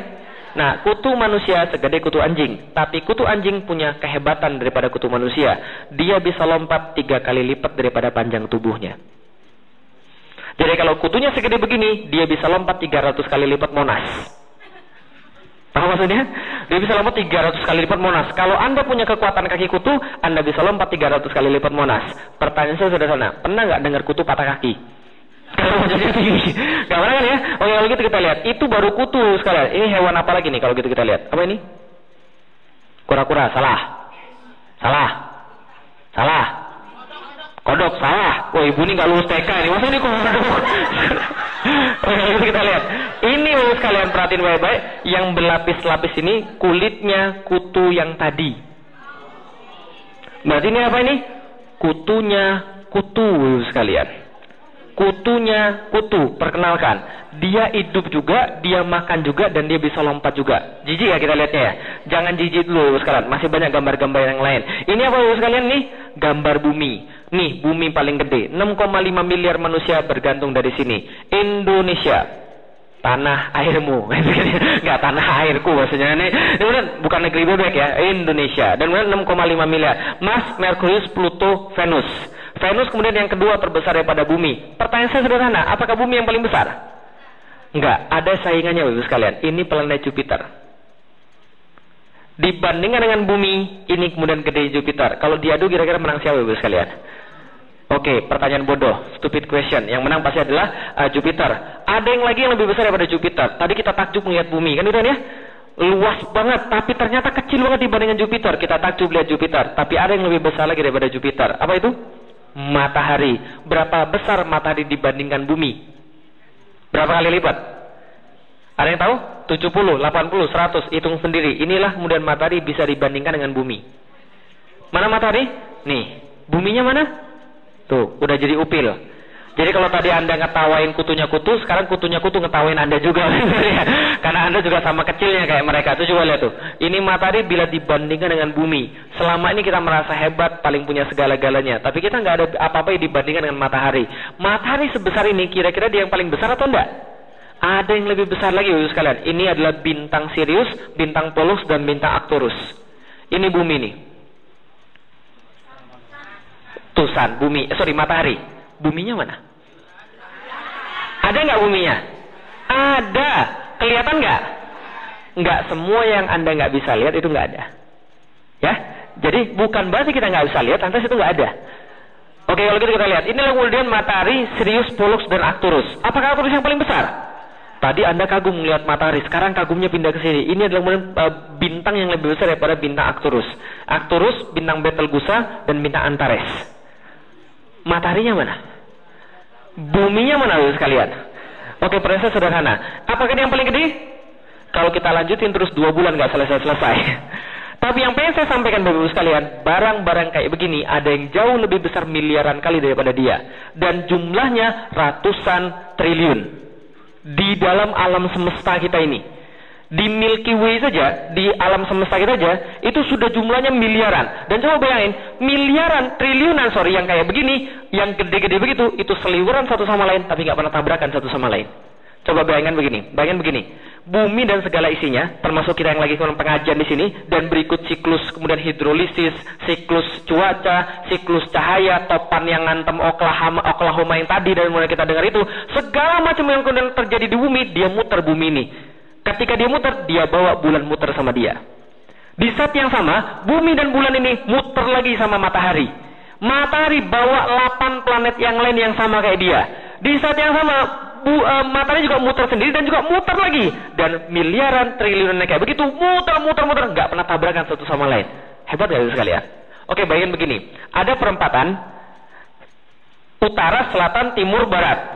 Masing-masing 100 mobil 100 km per jam. Apa kemudian lewat sot sot sot sot sot, begitu? Nggak mungkin. Maka betul, itulah yang namanya Tuhan pasti ada. Karena ada seorang matematikawan menghitung tentang alam semesta dan dia menghitung berapa kemungkinan Tuhan tidak ada atau berapa kemungkinan seluruh ini terjadi secara kebetulan. Dia dapat angka satu pangkat, sorry, satu per sepuluh pangkat sepuluh pangkat satu dua tiga. Ada yang guru matematik? Algoritma? Yang yang uh, jago algoritma? Berapa ini angka per sepuluh pangkat sepuluh pangkat satu dua tiga? Oh benar itu, bukan unlimited sebenarnya, unlimited nol sebenarnya. Nah berarti itu adalah mendekati nol. Artinya adalah apa? Oke saya pengen jelaskan. Itu jawaban kemudian matematikanya. Tapi ingin saya jelaskan jawaban jawaban orang desonya yang lebih mudah dimengerti. Oke saya kasih tahu. Kalau kemungkinannya seperdua artinya apa? Setengah artinya di antara dua tembakan satu kena. Kira ya? Kalau seperempat di antara empat tembakan, satu kena. Berarti semakin banyak yang bawa, semakin nggak mungkin kan ya? Oke, kalau gitu kita lihat. Seper sepuluh pangkat sepuluh pangkat satu dua tiga. Abaikan sepernya, kita urus ini dulu. Sepuluh pangkat sepuluh pangkat satu dua tiga. Kalau sepuluh pangkat lima berapa? Seratus ribu. Kalau sepuluh pangkat dua? Seratus. Sepuluh pangkat tiga? Seribu. Sepuluh pangkat N? Enggak. Sepuluh pangkat N sama dengan satu yang diikuti nol sebanyak N. Ya kan ya? Contoh, 10 pangkat 6 berarti 1 di belakangnya ada 0, 6. 10 pangkat 9, 1 di belakangnya ada 0, 9 biji. Kalau 10 0 di belakangnya ada 2 namanya ratusan. Kalau 10, sorry, kalau 1 0 di belakangnya ada 3 namanya ribuan. Kalau 1 0 di belakangnya ada 4 namanya puluhan ribu. Kalau di belakangnya 0 ada 6 namanya jutaan. Kalau 0 nya di belakang ada 1 2 3 namanya apa? Nggak tahu. Nah, artinya adalah apa? Tidak mungkin Tuhan tidak ada. Artinya ini angkanya adalah kemungkinan uh, kemungkinan Tuhan tidak ada more than impossible. Itu yang didapatkan oleh Roger Penrose, seorang sarjana matematik di Inggris. Maka dia mengatakan more than impossible that God doesn't exist. Berarti God does exist atau God must exist. Karena kalau Tuhan tidak ada, kita nggak punya jawaban lagi. Gimana Tuhan ini mulai, sorry, gimana semua alam semesta bisa ter, terjadi? Berarti apa dalam pikiran kita? Orang yang mikir nggak usah pakai agama, dia sudah pasti mengakui adanya Tuhan. Kalau ada orang kemudian nggak mengaku ada Tuhan, berarti dia nggak sama sekali mikir.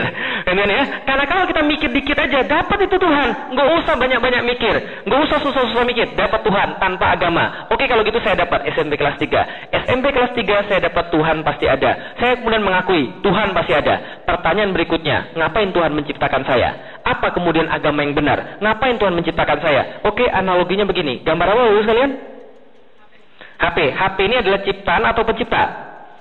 Berarti setiap ciptaan pasti punya selain pasti punya pencipta pasti punya tujuan penciptaan. Pertanyaan kita kan ya. Oke, tujuan penciptaan HP untuk apa?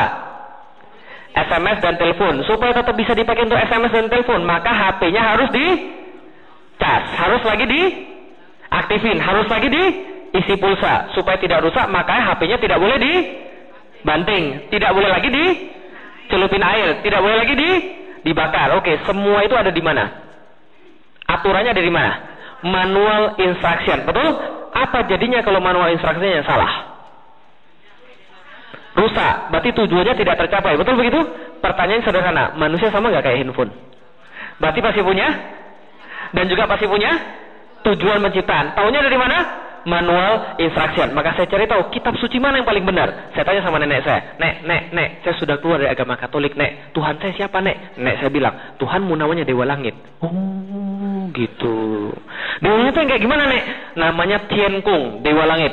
Tian Kung adalah dewa yang paling hebat. Dia menguasai dewa-dewa yang lain. Oh, begitu. Dia kayak di mana, nek? Dewa Langit ini? Nenek saya bilang, oke okay, kalau gitu sini saya punya fotonya Dewa Langit. ini fotonya Dewa Langit. Saya kata, oh kalau ini bukan Tuhan, nek. Lalu apa? Matanya ada dua, mulutnya ada satu, berarti dia perlu makan dong. Kalau dia perlu makan, dia perlu ke belakang dong. Ini bukan Tuhan ini pastinya. Nah kenapa? Karena saya tidak rela kalau Tuhan saya pernah diobar-abrik sama kerasakti. Paham ya saya, Bapak sekalian? Maka ini bukan Tuhan. Karena dia bisa diobar-abrik sama kerasakti. Oke, kalau ini bukan Tuhan, kalau gitu yang mana Tuhan? Apakah ini adalah Tuhan, Bapak sekalian? Kalau ada yang bilang ini adalah Tuhan, tanya, Tuhannya yang mana? Yang kiri atau yang kanan? Paham Bapak sekalian? Coba bayangkan baik-baik. Ini namanya sama, tapi bentuknya beda. Kenapa bentuknya beda tapi namanya sama? Ini yang terjadi kalau Anda coba-coba untuk menuhankan manusia atau memanusiakan Tuhan. Ya ini ya. Maksudnya gimana? Oke, orang India punya konsep tentang Tuhan. Tuhan itu harus bijaksana. Maka bijaksana menurut mereka harus banyak puasa. Kalau banyak puasa berarti kurus, kan ya? Kurus kemudian banyak puasa, kelihatannya cool, kan ya? Nah, terus orang Cina bilang, Tuhan siapa tuh keriting? Di sini nggak ada yang keriting, maka dia butuh Tuhan yang lain. Menurut saya bijaksana itu bukan banyak puasa, Ma, tapi menurut saya bijaksana itu dia bahagia, karena itu dia ketawa terus dan dia sejahtera, karena itu dia makan terus, kan ya? Nah, maka ini kemudian uh, apa namanya? Mereka punya persepsi masing-masing terhadap Tuhan mereka. Maka kalau Tuhan diserahkan pada manusia bentuknya, dia pasti bikin sembarangan. Tuhan Indonesia beda dengan Tuhan Hindu. Tuhan Hindu beda dengan Tuhan orang Cina. Kan itu ya kalau dibiarin menurut kemudian akalnya masing-masing menuhankan manusia atau memanusiakan Tuhan. Muncul yang kayak begini apakah ini adalah Tuhan ibu sekalian? Tidak ini bukan Tuhan. Kenapa ini bukan Tuhan? Camkan baik-baik setiap yang punya bentuk seperti makhluk dia tidak layak jadi Tuhan. Kenapa? Karena makhluk terbatas Sedangkan Tuhan tidak terbatas. Kalau dia punya tangan kayak manusia, tangannya empat. Kalau gitu kalau ada barangnya delapan gimana? Tambah lagi tangannya. Nah itu kemudian ada keterbatasan. Maka itu tidak lagi jadi Tuhan. Oke, saya sudah cari ke Katolik, saya sudah cari ke Kristen. Saya sudah cari ke Hindu, saya sudah cari ke Buddha. Semua saya nggak dapat Tuhannya. Yang belum tinggal Islam. Akhirnya saya cari ke Islam. SMP kelas 3. Benar nggak Tuhan ada di agama Islam? Walaupun saya kemudian bilang, eh kayaknya bukan deh. Kenapa? Karena dari awal sudah saya kemudian nggak respect dengan Islam. Nah kenapa? Karena itu kejadiannya. Ketika saya cari Islam apa terjadi? Tiba-tiba pulang dari kemudian uh, dari sekolah, tiba-tiba ada tujuh orang ngeroyok saya. Saya digebukin. Lalu saya tanya, apa salah saya? Salahmu matamu sipit. Nah, Bapak sekalian, diskriminatif. Serius, saya tinggal di Palembang. Yang tahu orang Palembang pasti tahu bahwa Palembang itu sangat diskriminatif sekali pada masa saya itu. Lalu kemudian kemudian saya bilang, apakah begini agama yang benar? Kayaknya enggak deh. Enggak ada agama yang benar. Saya kesimpulan saya, SMP kelas 3 saya kemudian berkesimpulan tidak ada agama yang benar, yang saya yakin Tuhan itu ada. Karena saya sudah buktiin Tuhan dengan akal, tapi nggak ada agama yang benar. Maka saya melanjutkan hidup saya tanpa ada agama. Yang penting saya berbuat baik sama orang. Lalu kemudian berlanjut kepada SMA, lalu berlanjut pada kuliah. Pas kuliah itulah kemudian ada teman saya yang bilang, kamu benar-benar mau nyari kebenaran. Ikut dengan saya, kita diskusi dengan ustadz saya. Ah, saya sudah bosan diskusi sama ustadz, di mana-mana sama aja. Enggak, coba ketemu dengan ustadz saya, orangnya masih muda, tapi ngomongannya penuh berkah. Akhirnya kemudian saya bilang, oke, okay, nothing tulus. Saya coba datang aja ke dia.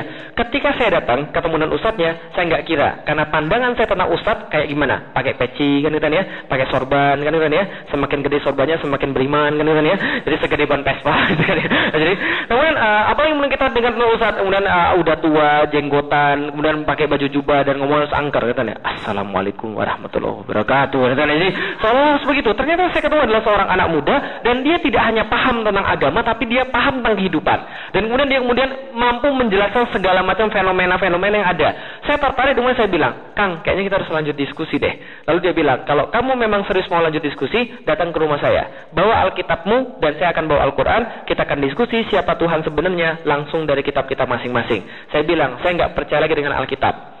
Jadi kita bahas saja tentang Al-Quran, kita akan lihat siapa Tuhan yang sebenarnya. Oke, minggu depan saya datang ke rumah dia, dan ini adalah ayat yang dibacakan pertama kali pada saya. Zalikal kitabu la roiba fi hudalil mutakin. Kitab ini tidak ada keraguan di dalamnya, petunjuk bagi orang-orang yang bertakwa. Pertama kali saya mendengar ayat ini, saya langsung bilang pada ustadznya, Kang, kalau gitu kitab ini salah. Loh kenapa salah?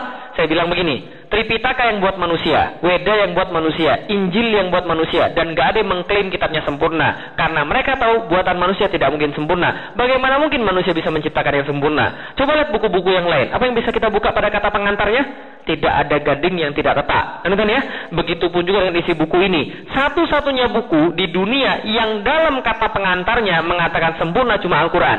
Maka saya katakan kitab ini salah. Karena saya kira yang buat Al-Quran juga manu, manusia. Maka dia bilang, enggak, yang buat ini bukan manusia.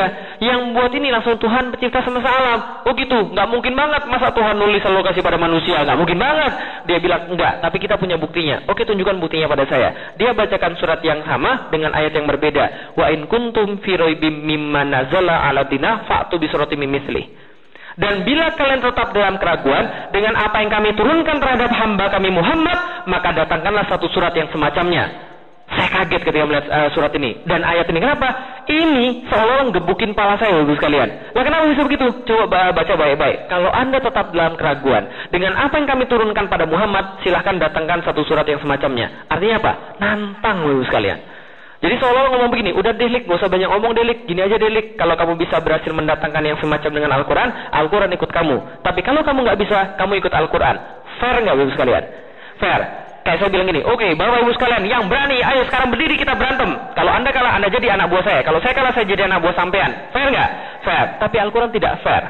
Al-Quran katakan, Watu syuhada aku min dunillahi in kuntum sodikin. Penghinaan yang lebih lanjut lagi. Kalau anda tidak mau sendiri, kalau anda tidak berani sendiri, boleh maju semuanya. Asal jangan minta bantuan Allah. Kalau anda memang merasa orang-orang yang benar, coba bayangin. Tantangannya dinaikin lagi. Kalau tidak berani sendiri, boleh ajak seluruhnya. Tapi kemudian ketika saya tanya, ini serius nih. Nggak ada yang bisa mendatangi semacamnya. Ternyata setelah saya cari, sekalian, sampai detik saya berbicara, tidak ada yang bisa yang menan, sorry, menjawab tantangan untuk mendatangkan semacam dengan Al-Quran. Sampai detik saya berbicara, kaget saya. Fa'ilan taf'alu walan taf'al. Dan kalian tidak pernah mampu dan tidak akan pernah mampu. Coba bayangkan. Setelah kemudian saya melihat ini, saya pikir begini, Kang, kalau ini nggak ada yang mampu menjawab tantangannya, ini pasti bukan datang dari manusia. Maka ini pasti datang dari Tuhan. Karena eh, sebagaimana saya mikir Tuhan untuk menciptakan semesta alam yang tidak mungkin tadi, berarti ini juga tidak mungkin ini. Sama, ini kayaknya pasti Tuhan ini. Maka saya katakan, berarti Tuhan saya namanya Allah. Nah kenapa? Karena dia yang paling tahu tentang kelemahan manusia. Tuhan saya satu namanya Allah, agama saya Islam, Rasul saya Muhammad. Kenapa? Karena ini yang mengantarkan saya pada Islam. Maka saya kemudian menjadi yakin, apa tujuan hidup manusia? Beribadah kepada Allah. Tahu dari mana? Wa ma khalaqtul jinna wal insa illa liya'budun. Di mana itu? Di Al-Qur'an. Kenapa percaya dengan Al-Qur'an? Karena tidak ada yang bisa mendatangkan yang semacamnya. Selesai. Tidak lagi muter-muter lagi. Betul begitu? Berarti kita itu kemudian beriman karena kita lemah. Karena Al-Quran melemahkan kita. Makanya mukjizat itu bukan artinya miracles. Jangan salah. Mukjizat itu asal katanya ajaza. Artinya lemah. Berarti mukjizat itu yang membuat orang itu merasa lemah di hadapan dia. Itulah Al-Quran itu. Gitu maksudnya. Nah, berarti ketika kita melihat bahwa tidak ada pertanyaan, kenapa manusia lemah? Ya karena manusia nggak bisa apa-apa. Karena itu dia perlu Allah. Paham gak ya sesuai sekalian? Nah kalau itu akan mana selamati? Kembali lagi pada Allah. Kata siapa? Allah di dalam mana? Al-Quran. Ayat mana yang bilang begitu? Kok lupa? Ada mana yang bilang itu? Inna lillahi wa inna ilaihi rojiun. Itu ayat Quran itu. Nah, maka kita kembali lagi pada Allah. Tapi Allah kemudian kasih tahu kita bahwa tidak hanya kembali, kita akan dihisap berdasarkan aturan yang diberikan pada kita. Inilah yang namanya akidah Islam keyakinan 100% bahwa ada Tuhan pencipta semesta alam yang dia buktikan dengan akal dan itu menghujam sehingga dia tidak bisa nafikan lagi. Setelah itu kemudian dia buktikan bahwa Tuhan itu adalah Allah dan dia tahu dia akan kembali pada Allah sure 100%. Dia yakin 100% dan dia yakin ketika dikembalikan bahwa dia akan dihisap oleh Allah berdasarkan apa? Aturan-aturan yang Allah berikan tatkala dia dikasih ke dunia. Contoh, ada di sini karyawan? Karyawan? Karyawan? Semua karyawan. Ketika Anda kerja di karyawan, pas mau kemudian ngantor, sebelum ngantor, ketemu bos, habis interview, suruh tanda tangan kontrak kan ibu sekalian kan ya? Di kontraknya ada aturan-aturan, betul begitu? Contoh, masuk kerja jam berapa? Jam 8. Ternyata ketika sudah Anda kemudian sudah tanda tangan masuk kerja jam 8, Anda besok masuk jam 9. Apa yang terjadi? Supervisornya enggak, enggak jahat banget tulisannya. Enggak ada sebuah gitu. Langsung dikeluarin. Enggak, pertama-tama dikasih apa dulu? Warning. SP1. D besok jangan telat lagi ya. Ini peringatan pertama buat kamu. Besoknya malah datang jam 11 dulu sekalian. Apa jadi? SP2, ini peringatan kedua buat kamu. Kalau kamu lakukan lagi, kamu akan dapat SP3. Masih lagi mana besok telat lagi, apa yang terjadi? SP3. Tolong kamu cari bos yang lain saja, kita nggak bisa lagi mengakomodasi Anda. Betul begitu? Sama kayak kita nggak dengan Allah. Sama, tatkala kita diturunkan ke dunia, kita disuruh tanda tangan surat kontrak. Masih kan nggak surat kontraknya, Pak? Bukan syahadat. Apa kontrak? Tatkala kita turun ke dunia alastu birabbikum. Ini ya, apakah aku adalah Tuhan kalian? Kita jawab apa? Bala syahidna. Kami tanda tangan. Iya, kami akui kamu adalah Tuhan saya. Allah kita ke dunia. Oke, nih saya kasih nih aturan-aturan. Biar kamu nggak salah di dunia. Biar kamu tetap bisa tujuannya tercapai. Kayak HP tadi kini, kami kasih kemudian manual instruction supaya anda baik di dunia. Anda nggak salah, anda nggak miskin, anda nggak rusak di dunia. Eh, ternyata kita abaikan, kita nggak pakai. Apa yang Allah lakukan? SP1 banjir sekalian. Semalam tuh banjir lagi di Jakarta tuh. Dan ya, macet total selama 7 jam. Nah, apalagi kemudian masih nggak mau tobat lagi, bikin macet lagi dia, nggak mau pakai aturan. Apalagi yang Allah kasih? SP2, tsunami. Masih nggak mau lagi. SP3, gempa bumi. Untung Allah baik. Nggak langsung dipecat, suruh cari Tuhan yang lain. Kan gitu kan ya? Kalau suruh cari Tuhan yang lain, repot juga. Gitu kan ya? Tapi kita dikasih SP4, SP5, SP6. Sampai kita mau sadar. Allah katakan, Zohar fasadu fil bari wal bahri bima kasabat aidinas. Sesungguhnya kerusakan di daratan, kerusakan di lautan. Yang semua kita ceritakan termasuk di negeri bebek. Gara-gara Anda berpaling daripada Allah. Allah cuma merasakan sebagian daripada kerusakan yang Anda buat agar Anda mau kembali kepada Allah. Coba bayangkan, itu kemudian yang menjadi masalahnya. Tapi ternyata kita nggak sadar-sadar. Maka inilah kemudian namanya akidah. Why? Kenapa harus Islam? Jelaskan ya? Oke, ini materinya. Selesai. Ada pertanyaan silahkan. Jelaskan ya? Jadi kalau berislam itu sekarang jelas. Lah kenapa? Karena memang ini kemudian jawabannya. Gitu. Jadi kita pede itu bukan karena kekuatan kita, justru karena kelemahan kita. Saya masuk Islam tahun 2002. Tiga minggu kemudian saya bilang sama bapak ibu saya, saya masuk Islam. Ngamuk mereka. Terus mereka bilang, ngapain kamu masuk Islam? Kamu tuh orang Cina, tahu nggak? Cina tuh nggak bisa masuk Islam, ya. Pokoknya gitu-gitulah. Nenek saya bilang, kamu boleh masuk agama yang lain asal jangan Islam, ya. Pokoknya Islam tuh bukan Islam, ah, sorry, Cina tuh bukan Islam pokoknya. Nah saya katakan, enggak, ini kemudian ini, ini, Oke, mereka marah. Terus mereka bilang gini, kamu tuh belum tahu agama Katolik. Kalau kamu tahu, kamu pasti akan balik lagi ke agama Katolik. Saya bilang begini, Mam, uh, ibu bapak saya, mami papi saya dulu adalah sekuler. Dulunya sekuler. Mereka tuh dulu nggak mau nganterin saya ke gereja. Saya ke gereja sendirian dong nggak sekalian. Dan di masa saya, orang yang kemudian orang Cina naik angkot tuh aneh. Ya, orang yang tinggal di Palembang ya, orang Cina naik angkot tuh aneh kenapa? Kenapa dong? Jadi kalau mereka bisa naik angkot itu aneh. Saya sampai naik angkot untuk pergi ke gereja untuk nyari siapa Tuhan itu sebenarnya. Kayaknya kemudian mereka kemudian nggak bisa memuaskan dan kemudian mereka bilang begitu, saya bilang oke okay lah gini deh, mami dan papi bawa aja semua susu-susu dan pasur-pasur, datengin ke rumah kita diskusi tentang Islam. Mereka bawa Alkitab, saya bawa Al-Quran. Kalau mereka bisa membuktikan, sorry, kalau saya uh, mereka bisa membuktikan ada yang salah dalam Al-Quran, saya balik lagi ke dalam agama Katolik. Tapi kalau saya bisa membuktikan ada yang salah di situ, mereka masuk Islam. Mau nggak? Nggak mau ya sudah nggak jadi gitu. nah kenapa? Karena memang masalahnya? Karena kita yakin karena kita punya Al-Quran. Maka Al-Quran itu satu-satunya kitab yang bisa masuk akal sekalian. Karena itulah saya masuk Islam karena saya berpikir, bukan karena yang lain. Karena di dalam Al-Quran, satu-satunya cara Allah bolehkan untuk beriman itu cuma dengan berpikir. Gak boleh dengan cara yang lain. Kenapa? Karena Allah di dalam Al-Quran ratusan ayat nyuruh kita berpikir agar kita beriman pada Allah. Coba cari dalam Al-Quran. Semua ayat yang nyuruh berpikir pasti dikaitkan dengan keimanan. Sebaliknya, ayat yang orang tidak mau berpikir pasti dikaitkan dengan kekufuran. Coba cari dalam Al-Quran. Maka satu saja cara beriman adalah dengan berpikir. Suatu hari saya pernah diwawancari oleh sebuah media di Indonesia. Mereka tanya, saat kenapa masuk Islam? Saya katakan, saya masuk Islam karena saya berpikir. Oh bukan, bukan itu saat. Maksudnya ada nggak event-event khusus? Kejadian-kejadian spiritual, fenomenal. Yang membuat Ustaz masuk Islam. Nggak ada. Oh enggak, enggak Ustaz. Misalnya melihat cahaya atau melihat mimpi. Enggak, enggak, enggak, enggak ada. Saya bilang, kenapa? Saya bilang begini, kalau saya masuk Islam gara-gara dengar azan. Besok kalau saya dengar yang lebih bagus, saya akan keluar dari agama Islam. Kalau saya masuk Islam gara-gara saya mimpi, besok saya mimpi yang lain, saya akan pindah dari agama Islam.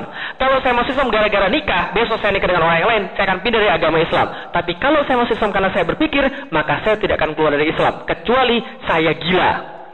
Tahu sekalian, sudah hilang akalnya, baru saya bisa keluar lagi dari Islam. Tapi kalau sama saya berpikir, akal saya akan selalu menuntut saya pada Islam. Maka agama Islam itu kemudian memuliakan akal. Agama yang lain nggak boleh pakai akal. Gitu kan ya? Makanya Martin Luther bilang begitu. Kalau agama kita dipikirin, rusak kita. Karena agamanya mentok. Itu maksudnya. Tapi kalau agama Islam dipikirin, tambah cemerlang dia. Alladzina Allah qiyama wa qu'uda wa ala junubihim. Yang mengingat Allah ketika dalam keadaan berdiri, duduk, dan kemudian berbaring. Yang kemudian berpikir tentang mana penciptaan Allah. Ma khalaqta hadza batilan. Benar, enggak ada yang sia-sia penciptaan Allah. Subhanaka fakina azabannar. Maha suci engkau. Dan jagalah kami dari api neraka.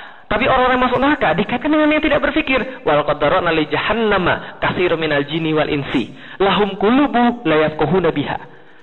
Telah masuk banyak orang dalam neraka. Banyak daripada golongan jin dan manusia. Gara-gara kenapa? Mereka Allah kasih akal, mereka nggak mau pakai untuk berpikir. Itu kan ya? Semua yang dalam Al-Quran juga kita untuk berpikir. Maka kalau kita berpikir, kita dapat Islam. Itu masalahnya sekarang. Jadi tugas kita adalah bagaimana caranya memberikan ayat-ayat kauniyah ini atau ayat-ayat kemudian yang di dalam Al-Quran itu untuk kemudian mereka sadar bahwa Tuhan pasti ada. Maka Imam Syafi'i mengatakan seorang anak yang baru balik yang sudah mukallaf kewajiban orang tuanya bukan maksa mereka Islam, tapi kewajiban orang tuanya menuntun mereka berpikir agar mereka tahu Tuhan mereka adalah Allah. Mereka menemukan itu dengan akalnya mereka. Itulah namanya ma'rifatullah.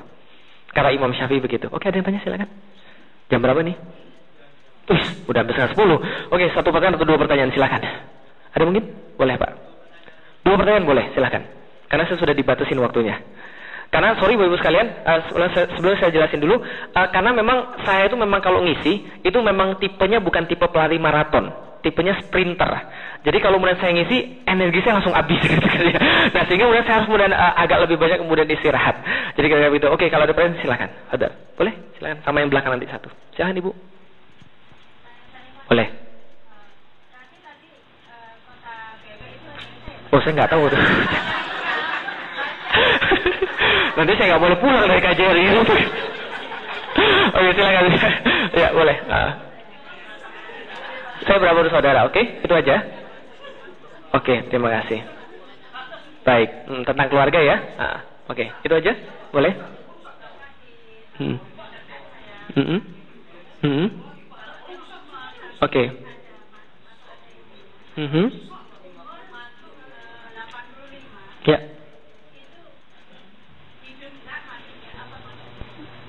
85 hidup nggak mati nggak? Kayaknya saya nggak pernah ngomong itu deh. Aha. Oh, hidup segan mati tak mau kan? oh ya ya, saya ingat ingat saya ingat. Ketika saya menceritakan tentang Muhammad Al Fatih. Oke baik terima kasih. Ada yang lain? Oke silakan nanti sama bapak silakan. Kita kumpulin dulu semua. Waalaikumsalam warahmatullahi wabarakatuh. Mhm. Mm mhm. Mm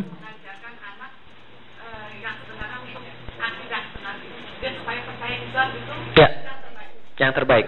Terima kasih. Silakan Bapak. Bapak yang di belakang boleh Pak? Yang pakai kaos? Ya, silakan Pak. Ya. Ya.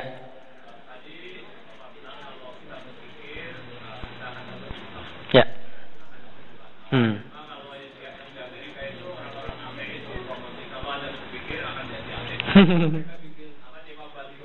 That's right. Hmm.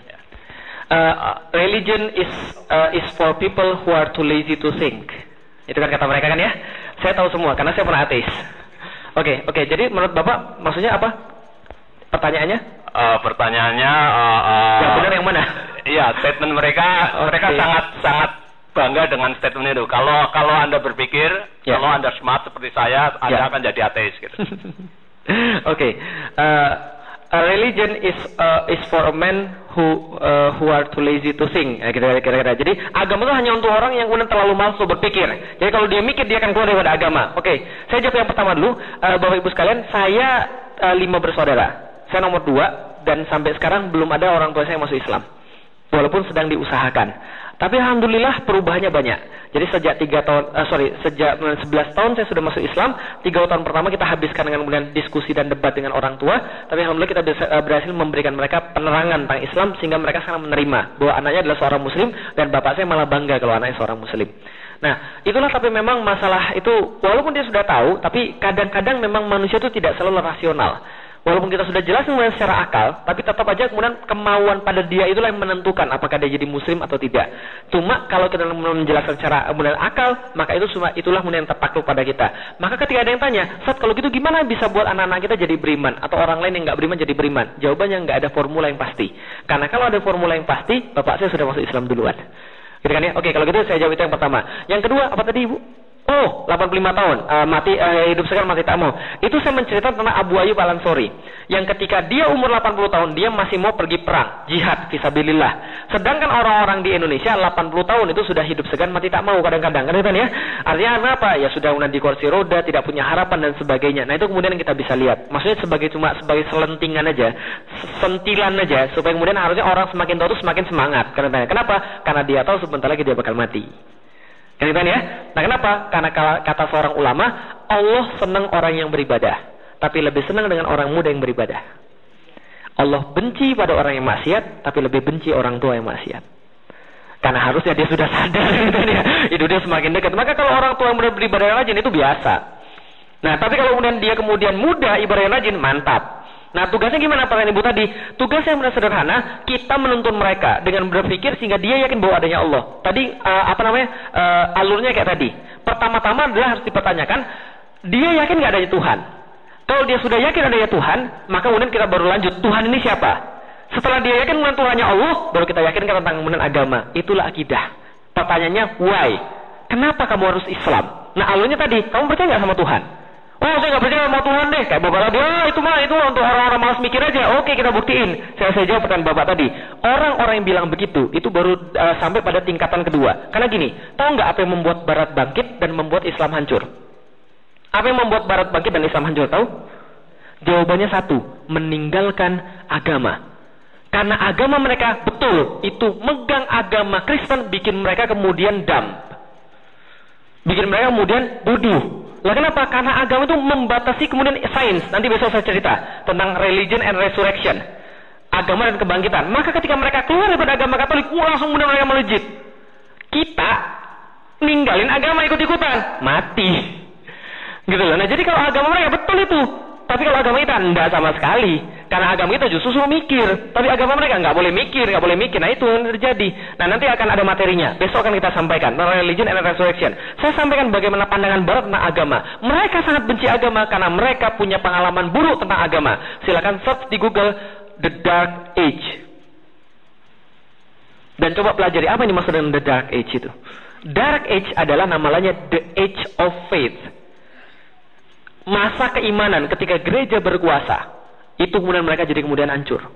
Maka ketika mereka renaissance ah renaissance apa? Pencerahan itu yang kita dapat. Tapi renaissance itu adalah penggulingan kekuasaan agama dan kekuasaan tuan uh, apa landlord. Jadi landlord itu di backup oleh agama. Pernah nonton film Robin Hood? Ah, Robin Hood itu orang yang uh, miskin atau orang kaya? Musuhnya Robin Hood siapa? Sheriff of Nottingham landlord dan Leno itu di backup oleh gereja kan ya? Maka ada dari gereja itu membela kepada Robin Hood namanya takal pendeta itu kan ya. Nah maka itulah kemudian uh, gambaran the dark age. Ketika Eropa jauh ketinggalan di bawah Islam. Besok-besok akan kita ceritain insya Allah ini baru pertemuan pertama yang kita bahas tentang akidah dulu. Nah jadi kenapa kemudian kita harus Islam? Nah, itu kemudian dikuatkan dulu. Nah cara yang terbaik adalah menjelaskan pada anak kita menuntun. Dengan cara apa? Misalnya contoh yang konkretnya teknis. Nonton misalnya film-film kayak film-film Harun Yahya Gitu misalnya. Harun Yahya. Saya sudah bilang sama Pak Farhat, nanti akan ada uh, apa namanya semacam tempat pool. Jadi saya akan ngepul materi di situ, saya akan ngepul film-film di situ, saya akan ngepul segala macam di situ. Nah, jadi silakan minta di situ. Nah, nanti film-film Harun Yahya semacam uh, semacam ke uh, keajaiban penciptaan alam semesta, keajaiban Al-Qur'an dan sebagainya. Nah, jadi itu bisa nonton. Oh ya ternyata ini nih. Gitu loh maksudnya. Oh, ternyata benar ya Tuhan tuh nggak mungkin nggak ada. Nah, termasuk tadi perhitungan-perhitungan dan sebagainya. Yang saya juga rangkum dalam buku saya judulnya Beyond Inspiration, tentang hal yang baru saya ceritakan tadi dalam bentuk tertulis dan dengan data-data yang lebih lengkap. Nanti saya kasih semua kemudian link-linknya nanti insya Allah. Biar nanti ibu bisa secara teknis bisa memberikan pengertian buat anaknya. Satu, ngajak mereka nonton film bareng-bareng. Dua, ngajak mereka diskusi. Nah, tapi kalau ibunya ngajak mereka diskusi, ibunya harus diisi dulu. Makanya ibunya harus rajin datang pengajian. Oh Ustaz, anak saya banyak. Justru anak ibu banyak, ibu harus sering datang pengajian. Karena amanah ibu lebih besar. Nah, itu maksudnya. Jadi, saya kasih tahu sekalian. Ada orang tanya pada saya, Ustaz, nanti besok kita bahas tentang fungsi wanita dalam Islam. Ustaz, kalau menurut Ustaz, istri Ustaz nggak uh, nggak nggak kerja, ngapain dia kuliah tinggi-tinggi? Jangan salah, wanita justru harus kuliah tinggi. karena mereka ngurusin anak-anaknya. Gimana mau ngajarin anak-anak pintar kalau dia nggak kuliah tinggi? Gitu kan ya? Gimana mau ngajarin anak pintar kalau dia nggak paham tentang kemudian kehidupan dunia? Justru harus pendidikannya harus tinggi, gitu maksudnya. Jadi jangan oh kalau itu nggak guna dong kalau pendidikan tinggi kita nggak kerja. Salah. Karir yang terbaik adalah jadi seorang ibu dan itu yang paling mulia. Dan kita akan bahas besok. Wih, serius nih kita akan bahas besok. Nah jadi kita itu. Oke, okay? Sampun ya, sampun cekap karena kita sudah mengakhiri.